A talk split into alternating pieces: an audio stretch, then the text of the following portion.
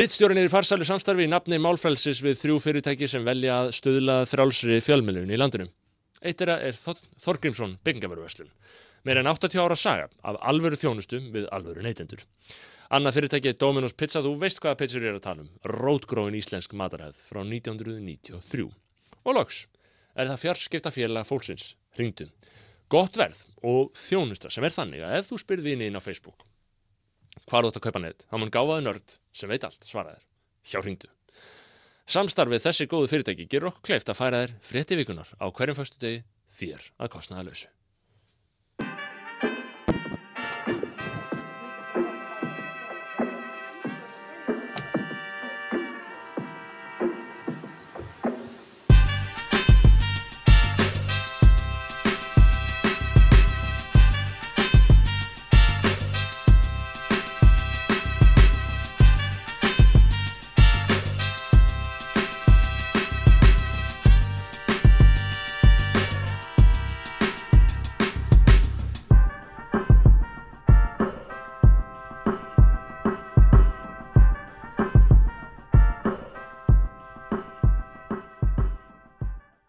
Gómið sæl, kæra áhundur og verið velkomin í fréttir vikunar. Það eru óurlegir tímar í landinu. Eldgós vofir yfir á Reykjanska og Grindavík stendur auð þegar þetta tekið upp er ekki farið að gjósa en líkurnar á því eru óbreytar. Við vonum það besta. Eitt er eins og að víst í þessu máli og það er að ríkistjórnin gæti þess að láta þetta neyðar ástand ekki framhjá sér fara. Hún hefur ákveðið að hækka skatta á almenning í landinu. Þessi nýji skattur er kallaður forvarnargjald því að hver stiður ekki forvarnir? Ef við öll að standa saman. Og skatturinn er líka sagður vera til þryggja ára. Það eru gömul sannindi að ekkert er varanlegra en tímabundnar skattahækkanir. Bjarni Benediktsson sem var fjármálaráþra er núna auðaríkisáþra hann var að hækka tekjuskattafyrirtæki um 1% fyrir á þessu ári. Og nú bætist þessi nýji skattu við. Hann var að hækka skatta. Bjarni verist alveg verið að búin að gleyma því að skattar eru ofbeldi og sjálfstæðisflokkurinn segist standa með þólundum. Þessi nýji skattur ríkistórnar er núna, forvarnargjaldið, á að færa tæpan miljard úrvasa almennings og í ríkisjóða næsta ári. Hann er sagðið munu vera notað til að byggja varnargarð á Reykjaneska til að verja mikilvæga innviði. Og þegar við tölum um mikilvæga innviði á Reykjaneska þá erum við aðalega að tala um orkuver HS Orku í Svartsengi. Samkvæmt viðskiptablaðinu er þetta orkuver metið á 40 miljardar króna og varnargarður á að kosta eitthvað ykkur 3 miljardar króna. Þannig að, þú ert með enga fyrirtæki sem er aflugufært með arðbæra starfsemi á há áhættu svæði. Allt leikur er lindi, menn græði á tá á fingri. Svo kemur eitthvað upp á og þá kemur sjálfur forsættisáþra til bjargar með, og, og fjármagnar ráðstafanir fyrir þig með forvarna gjaldi á almenning. Viðskiptablaðið bendir á að HS Orka er að helmi sluta í eigu Bresks Vogunarsjóðs, Ankala Partners og blaðið skrifar mikið hljóta þeir hann í London að hlæja sér máttlösa yfir heimsko okkar Íslendinga að ætla að minga áhættu þeirra verulega með því að byggja varnargarð og láta einhvern annan borga fyrir hann. Já, það eru fleiri skemmtilegar sögur af ríkistjórninni og engaframtækinu á Reykjanesi. Um, á síðast ári var til dæmis fyrirtækið Bláa Lónið metið á 60 miljardar króna. Það hagnaðist um þó nokkra miljardar á hverju ári árum saman allt er til að koma heimsvaraldri COVID-19. Þá tapaði félagið tölvöru fjármögnum vegna ferðartakmarkana stjórnvalda og, og auðvitað vegna galina ákvarðana stjórnvalda. Þannig að kannski er það skililegt en stjórnvald tóku sér allan það til og gáðu því 823 miljónu króna á ríkisöði væntalega einfallega til þess að fyrirtæki fari ekki á hausin Eftir faraldur var fyrirtæki síðan fljótt að jafna sig. Strax árið 2022 var reksturinn komin í hagnað aftur sem namn þá 2 miljardum Þannig að Bláalóni greiður út 12 12 miljardar króna í arð til eigenda frá 2012 til 2019 svo kemur COVID árið 2020 babbi bátinn í reksturum eins og það heitir og hvað gera stjórnvöld? Herru, 800 miljónir, er þetta nóg? Eftir faraldurinn hefur ekki hýrst á nefnum neyðar aðgerðum stjórnvöld að skatleika þennan styrk úr fyrirtækinu og afturinn í ríkisjóð. En þegar almenningur er annars vegar, virðast stjórnvöld alltaf vera í stöði. Borgaðu forváttagjaldið eða farðu í fangilsi. Síðan fjöldluðum við um það hérna nýlega að sjálfstæðismenn eru alltaf með þessa kostulegu fullirningu um að ríkið verði að losa sig við þá bráðu áhættu sem fylgir því að eiga Íslandsbanka. Það sem það þurfa að selja hann, það eru helstu rökin. Kanski ekki helstu, en það eru veiga mikil rök að ríkið er ekki að standa í svona áhættu rekstri. Áhættu reksturinn í Íslandsbanka er ekki meirinn svo að, að hann hefur hagnast um 170 miljardar króna á síðustu tíu árum. Það er 170 miljardar í hagnað á tíu árum. Eins og þið sjáu, þetta er mjög áhættu samt. Og þessu svara þegar ég segi þetta, það svara þetta svona ekki mjög gáðar hægri menn vantala, já, áhættan byrtist ekki þegar fyrirtæki hagnast heldur þegar eitthvað kemur upp á. Hvað er þessi banki fyrir hausin? Vilt þú þá eigan og taka tapið á þig? Hm. Vil ég að banki sem fyrir hausin sé í ríkisegu, þannig að ég takja á mig gældrótans? Nei, auðvitað ekki. Ég vil frekar auðvitað að eigandi bankans takja á sig gældrót bankans. Auðvitað. En, en í hruninu, í hruninu þá áttu enga aðeila bankana og tóku til sín hagna af starfseminni þegar það gekk vel. En svo þegar bankarnir fundu og fóru gjaldrótt þá fyrst voru þeir þjóðnýttir á ný og þá tóku skattgreðindur á sig gjaldrótt þeirra. Þannig að það er ekki alveg ljóst hvernig almenningu getur tryggt örgi sitt.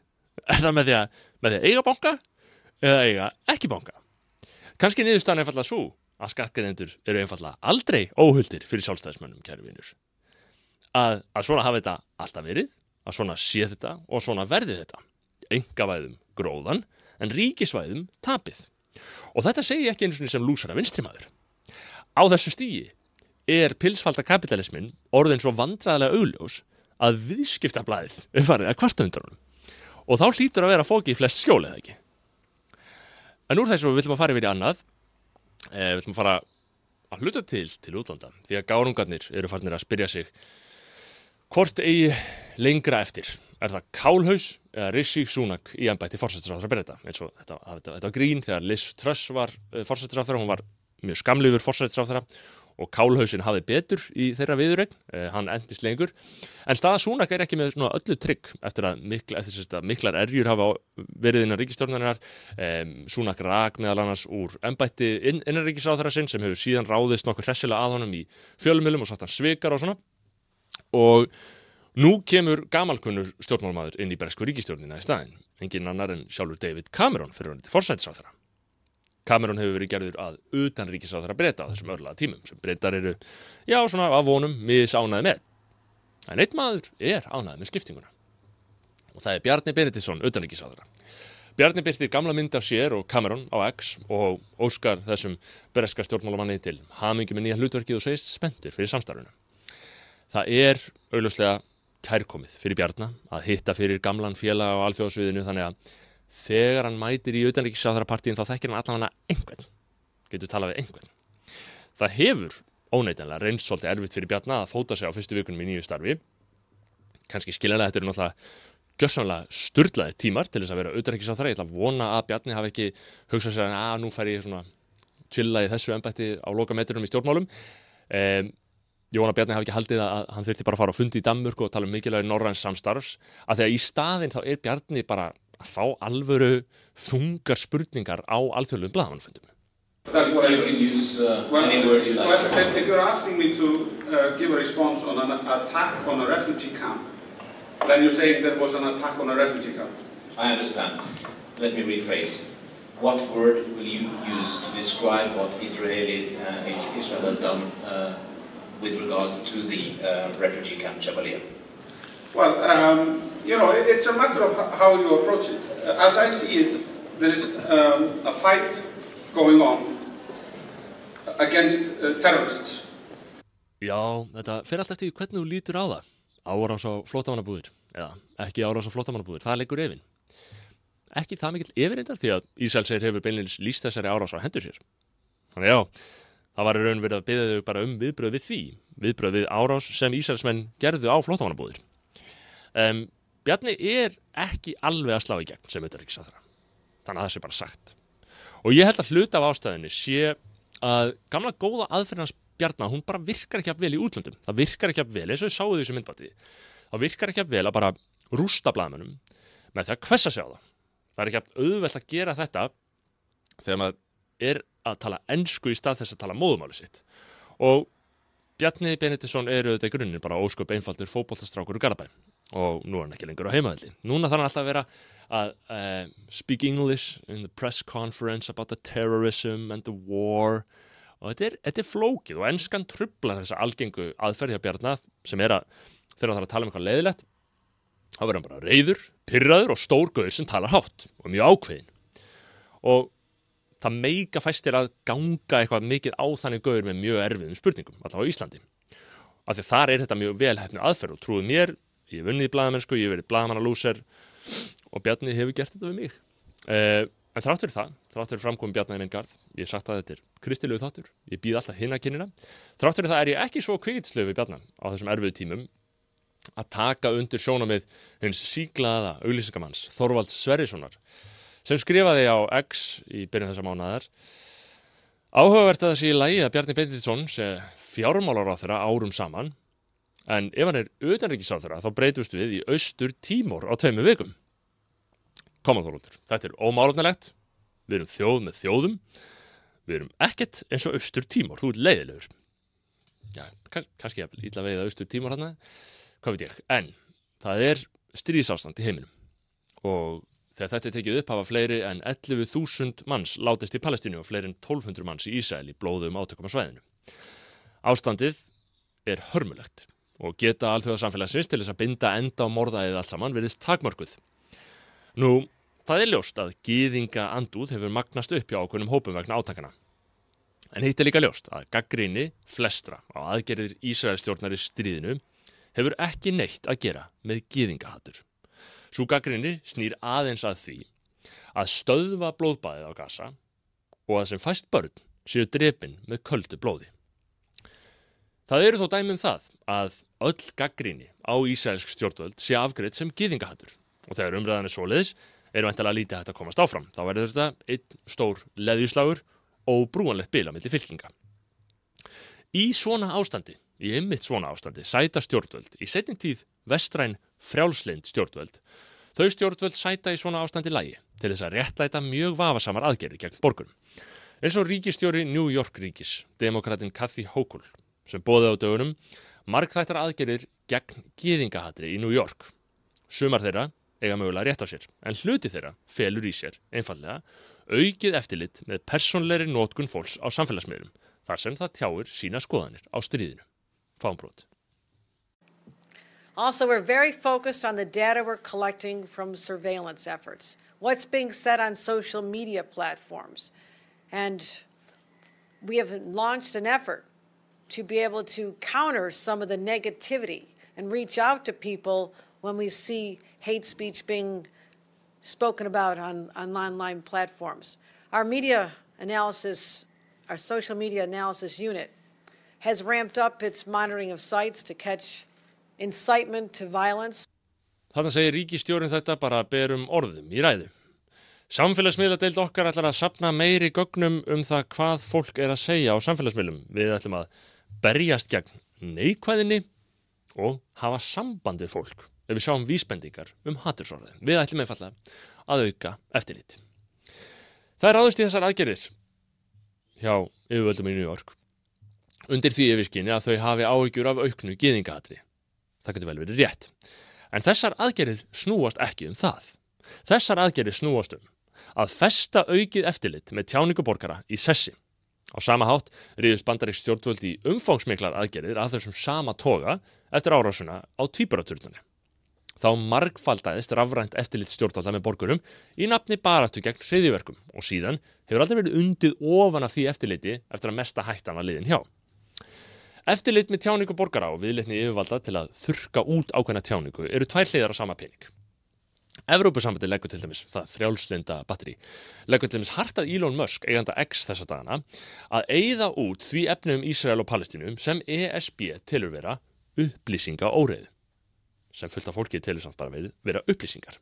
Þetta er einhverjum efni sem stiður málstað Palestínumanna.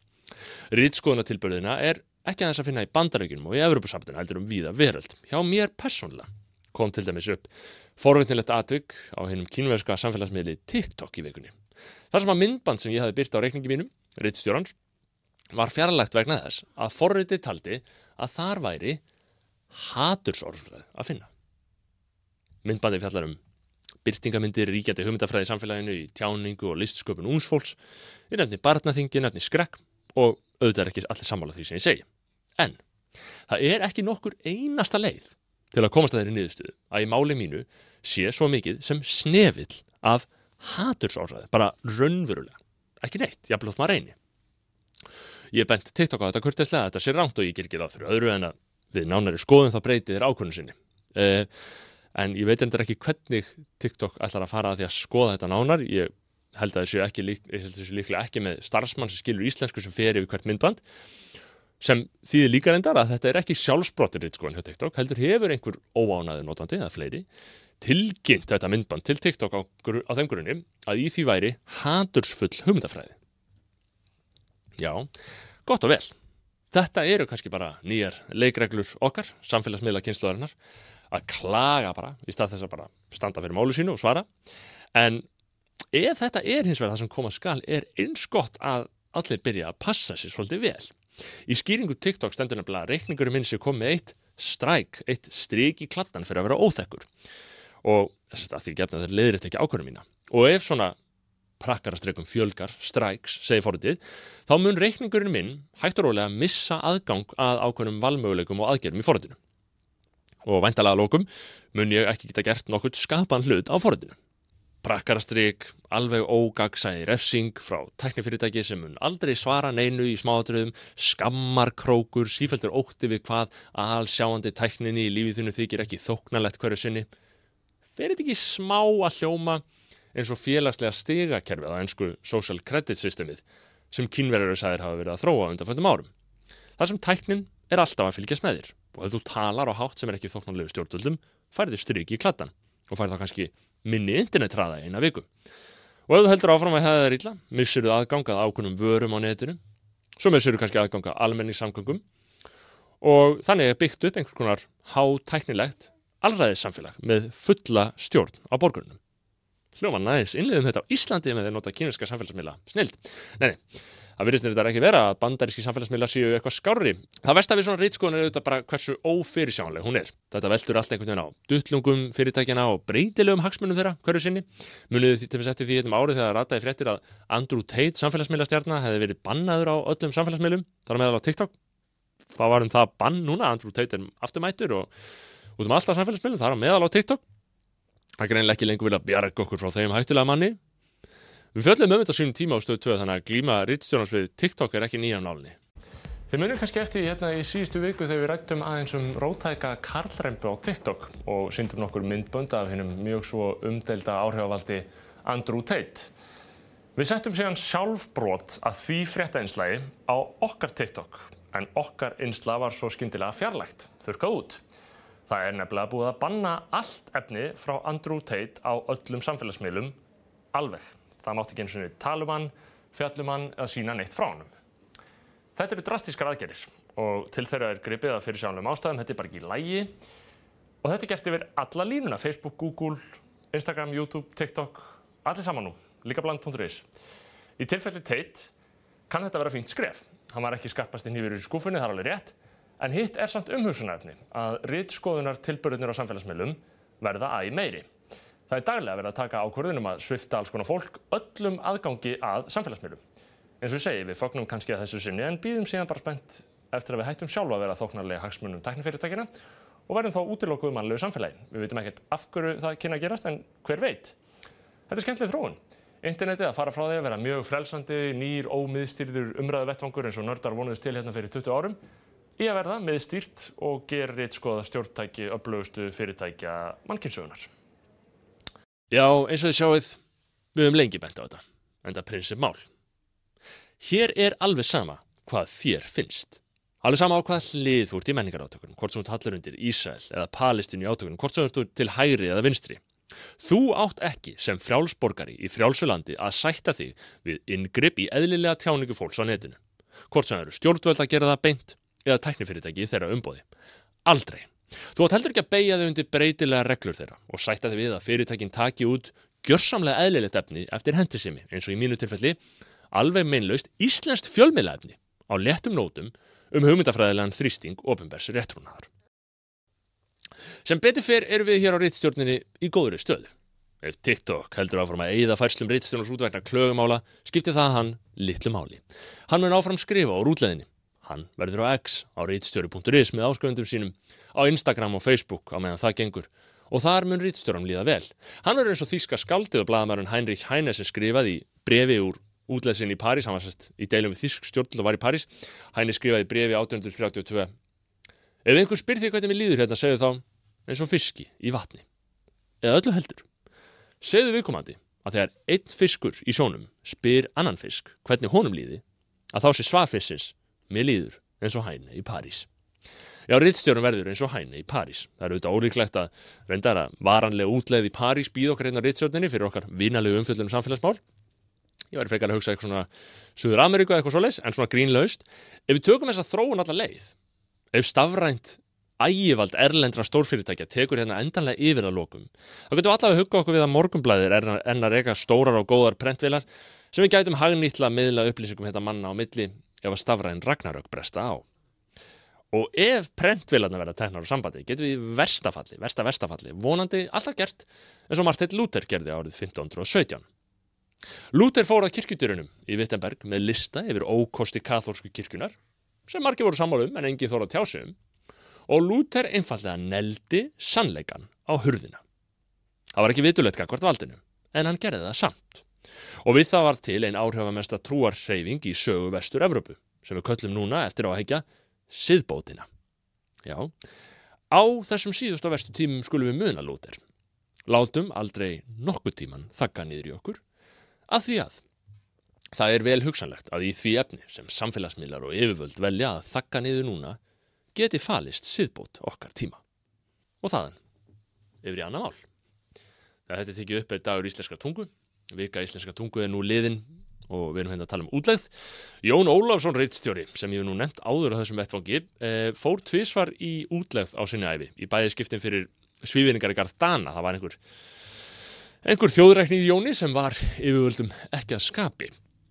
Hann fór meðal hans í útlegð fyrir að yrkja þessa línur, Frjáls við að Íslands þjóð, hún þekkir heimsum slóð, ei djöfulegra dáðurlaust þing en danskan Íslending.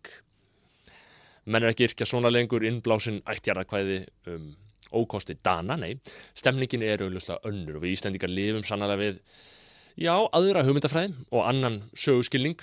Mm, Helgi Þorlóksson, sagfræðingur, heldur því þó fram að svo sé ekki að söguskoðunin, það, söguskoðunin þar að segja hvernig við skiljum sögulandsir og hvernig við fjöllum um hana, hann, Helgi, telur að þessi söguskoðun okkar sé raun ekki mjög breytt frá því sem var í sjálfstæðisbaratun hérna á svon tíma.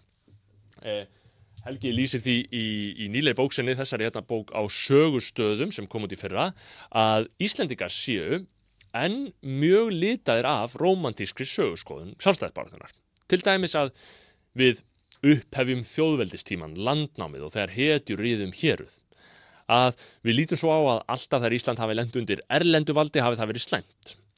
Og svo lítum við svo á að, að Íslendingar, Íslendingunum sem mættu hérna fyrst hafi verið þjóðfrelsi og sjálfstæði ofurlegi huga frá upphafi.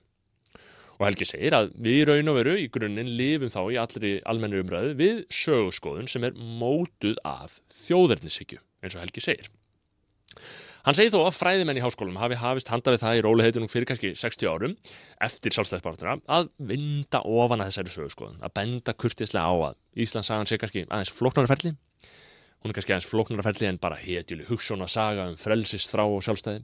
Að kannski hafi ekki allt verið alltaf alls slæmt vegna tilfærslu vald til útlanda og að kannski hafi ekki allir Íslendingar frá upphafi einfalda barist yfir leitt fyrir þjóðfrelsi. Og þetta er í grunninn svona tveir skólar í mjög gróðum dráttum. Það er einn almenna sögurskoðun íslenska pleppans, hetur Ríðum Héruð, uh, Jón Sigurdsson, sjálfstæði fullveldi, Íslendingar elska ekki meirinn frelsið og svo er það hinn grandvar á nákvæmnislega sögurskoðun háskólasakfræðingsins um að þetta hafi allt saman verið mjög flókið. Og þið ráðu hvora sögurskoðuna þið aðhyllist en ég myndi að segja að ef markmið háskólasakfræðingana var að lækka rostan svolítið í þessari sögurskoðun pleppans, þá hafi það tekist. Það er ekki mjög mikil almenn stemning fyrir hressandi og romantískri sögurskoðun þessa dagana nákvæmnin er aldrei langt undan. Við rættum þetta í skoðanabræðurum, hlaðvarpi mínu bæri þó smásónar bróðum minns, rættum aðeins um þessa tilfinningu okkar Íslandinga fyrir sögunni og þar var gestur okkar Haldur Guðmundsson, sem þetta ekki Helgi, heldur Haldur Guðmundsson bókmyndafræðingur og rítumundur sem hefur að undanförnu til dæmis unnið að íslenskri bókmyndasögu fyrir þjóðverja meðal annars. Það er saga sem er sögð og hún lifir í okkur alveg sama hvað mm -hmm. við reynum að endur skoðana. Mm -hmm. Takk ég hérna, ég var að lesa um daginn Íslandsögu Jónsson frá Hriblu sem er 1916 eða eitthvað Já, svolítið og var sko eiginlega kend ennþá í grunnskólum eftir 2000 held Já, ég, sko. held það allavega mjög lengi kent það sko. og það er sögð ákveðin saga og hún er sögð að svo sko, fullkominni vissu Mhm. svona fullkomnu sjálfsöryggi. Og við alveg Mhm. vorum með það á hreinu uh, sem ölumst upp við þetta. Og það er sko menn, menn flúðu Mhm. uh, frjáls hugsandi vikingar undan Haraldi Hardráða þeir flúðu til Íslands. Að þeir vildi ekki sætta sig við kúnas og stopnuðu þetta líðfélag frjálsra manna og opnuðu gerðu fyrsta þing í heiminum og mesta líðræðis hérna, þing sem enn er starfandi. Mhm. þó svo það kannski verið 3% þjóðurinnar sem hefði eitthvað um það að segja hverju voru á þessu þingi. Við, við sjáum þetta allt svona. Já, já. og svo, svo, svo hnignar okkur og við fyrir í borgarstríð og þá afsönum við okkur völdum til konungs sem svo allir hafa sínt fram á og var sennilega bara dýllum skipakomur og, og, og allt þetta. Og nú er búið að sína fram á að hann hafi aldrei verið til gamli sáttmáli. Veist, það er búið að vera að endur sko þetta allt. Það breytir því ekki að hitt situr djúft í okkur. Þegar þú ert til dæmis að því, að því ég lendi því að þurfa að segja útlendingum þessa sögu. Já, sko fyrir þess að hann er miklu skemmtilegri. Já, það, það, það, það, en auðvitað veit maður að, að mjög margt í þessu stendst ekki en svo Já, hvorsagan er skemmtilegri, er það ekki megin spurningin? Hetjur riðum hér, þau segi ég. Ég mæli innilega með viðtalinu við Halldór, þar sem við fjöllum um allt mögulegt tengt Íslandsögunni, bókmyndasögunni, í Halldóri Lagsnes, eh, sem sérst, Halldór Guðmundsson skrifaði æfisögum og margt fleira mjög gott. Já, það er dagur íslenskar tungum. Þetta er auðvitað ekki dagur fyrir fortíðar þrá, heldur ber okkur að líta fram á veginn, getur tungan lifað af, það er stóra spurningin í þessum, ekki að mínu mati, nema rammarskorður verði reistar við þróun sem er þegar hafin og er þess að dagana ískikilega hröð. Enskan breyðir úr sér á mörgum sviðum þjóðlífsins og stjórnvöld virðast ekki átta sig á alvarleika málsins og ef þau gera það, þá eru þau að þér virðist alveg ófær um að breyðast við. Og við verðum að muna að ef við einhvern daginn missum sjálfstæð okkar, þá verður það vegna þess að fyrst glötuð við tungu okkar og þetta er augljóst. Í gær byrtist merkilegt viðtal á rítstjóri.is á og hlaðarsveitum þar sem að Elín Þöll Þórðardóttir, málvísindakona og talmennafræðingur, fór með mér yfir stöðu tungumálsins. Uh, skulum fá brót, við byrjuðum á stöðunni hjá íslenskum börnum. og þegar að fólk fyrir að, að, að verja stórum hluta dagsins í einhver öðru tungumáli en því sem það talar sjálf að þá, þá, þá fer mál kunnátt að þeirra beinlegins að, að breytast, hún fer að dreifast yfir á tvö tungumál. Og þetta er að gerast við börnun okkar núna og hefur verið að gerast. Þetta er að gerast við börnin okkar og, og ég myndi segja og ég hef sagt það í greinum sem ég byrt að e, íslensk ungmenni, e, það eigi að líta á þau sem, sem einhver leiti tvíting. Þess vegna er það sem krakkar sem er að læra íslensku sem annar mál er í rauninni að læra þrjú mál. Þau eru að dreifa tímanum á þrjú tungumál. Já. Ég er búin að vera rannsakað í mörg ár og það er annað fólk búið að vera að því líka og hafð mér og það er mikilvægt að taka fram að við komumst að sömu niðurstöðinni sem er svo um það vil helmingur krakka frá að verðlundum bakgrunni læra íslensku bara mjög vel, hún gengur vel. En hinn helmingurinn lærir ekki íslensku og ájafvel í mjög miklu vandræðum í mörg ár, þannig að þeim fer ekkert fram. Það, það er algjörlega óviðunandi. Það þarf að gera það miklu betur, það þarf að koma til mjög mikið átak til þess að það takist og það þarf að setja fjármunni í það og það þarf að gera eitthvað, eitthvað mjög verulega breytingu Já, það þarf átak í skólakjörunu vegna innflytjenda, en sömulegis þarf átak fyrir íslensk börn að sagn Elínar sem beinir spjótum sínum líka að sjónvarpinu og snjalltækinu, fáum annabrót. þau tungumál er í miklu meiri hættu þar sem að sjónvarsefni er ekki döbbað. Þú veist, í löndum eins og Þýskaland og Fraklandi sem maður horfir á James Bond tala þýsku eða frönsku, þú veist, þar, er hættan ekki svona mikil. Það er alveg alls skjálfest í rannsóknum.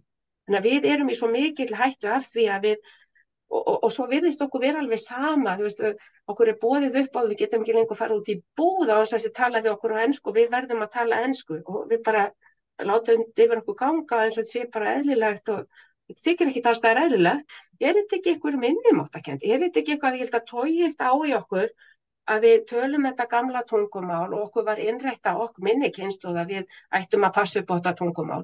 Nú þykir það svo lum og nú þykir það svo útlendingahattuslegt að maður vilji varðveita sitt tungumál. Og en samt okkur finnst þetta mjög merkilegt en, en við þórum það ekki að því að við höfum, okkur finnst það sé einhvern veginn rámt af okkur að hafa þá skoðun að því að geti verið eitthvað hræðilegt við það. Og svo, svo höfum við bara ekki trú á því að, að einhver geti vilja læra íslensku.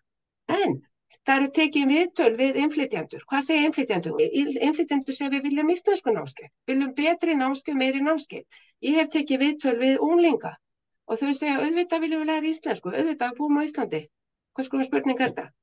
Þannig að þú myndir, þú myndir segja að uh, við þurfum eitthvað svona, hvað getur við sagt, kurteislega viðhórsbreytingu í þessu.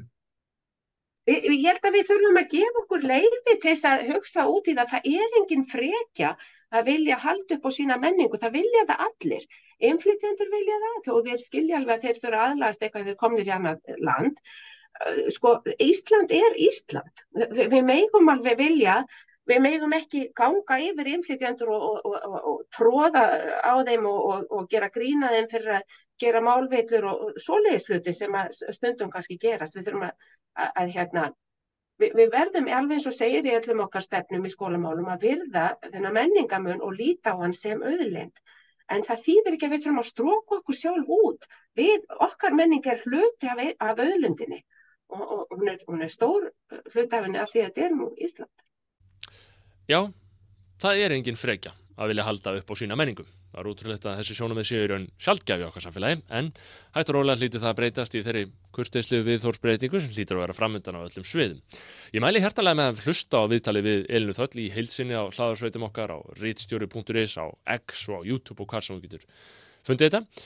Einfallega það sem þið finnst hæglegast. Uh, og já, þá komstu ekki lengra með þetta sinni. Ég minniði þetta á samstagsæðila. Um leið minni á kjörorð þessa frétta þáttar, ást á ættjörðu, ást á sannleika, sem væri kannski rétt að leifa að byrtast í upphafluðu samhengi hérna í tilöfnum dagsins.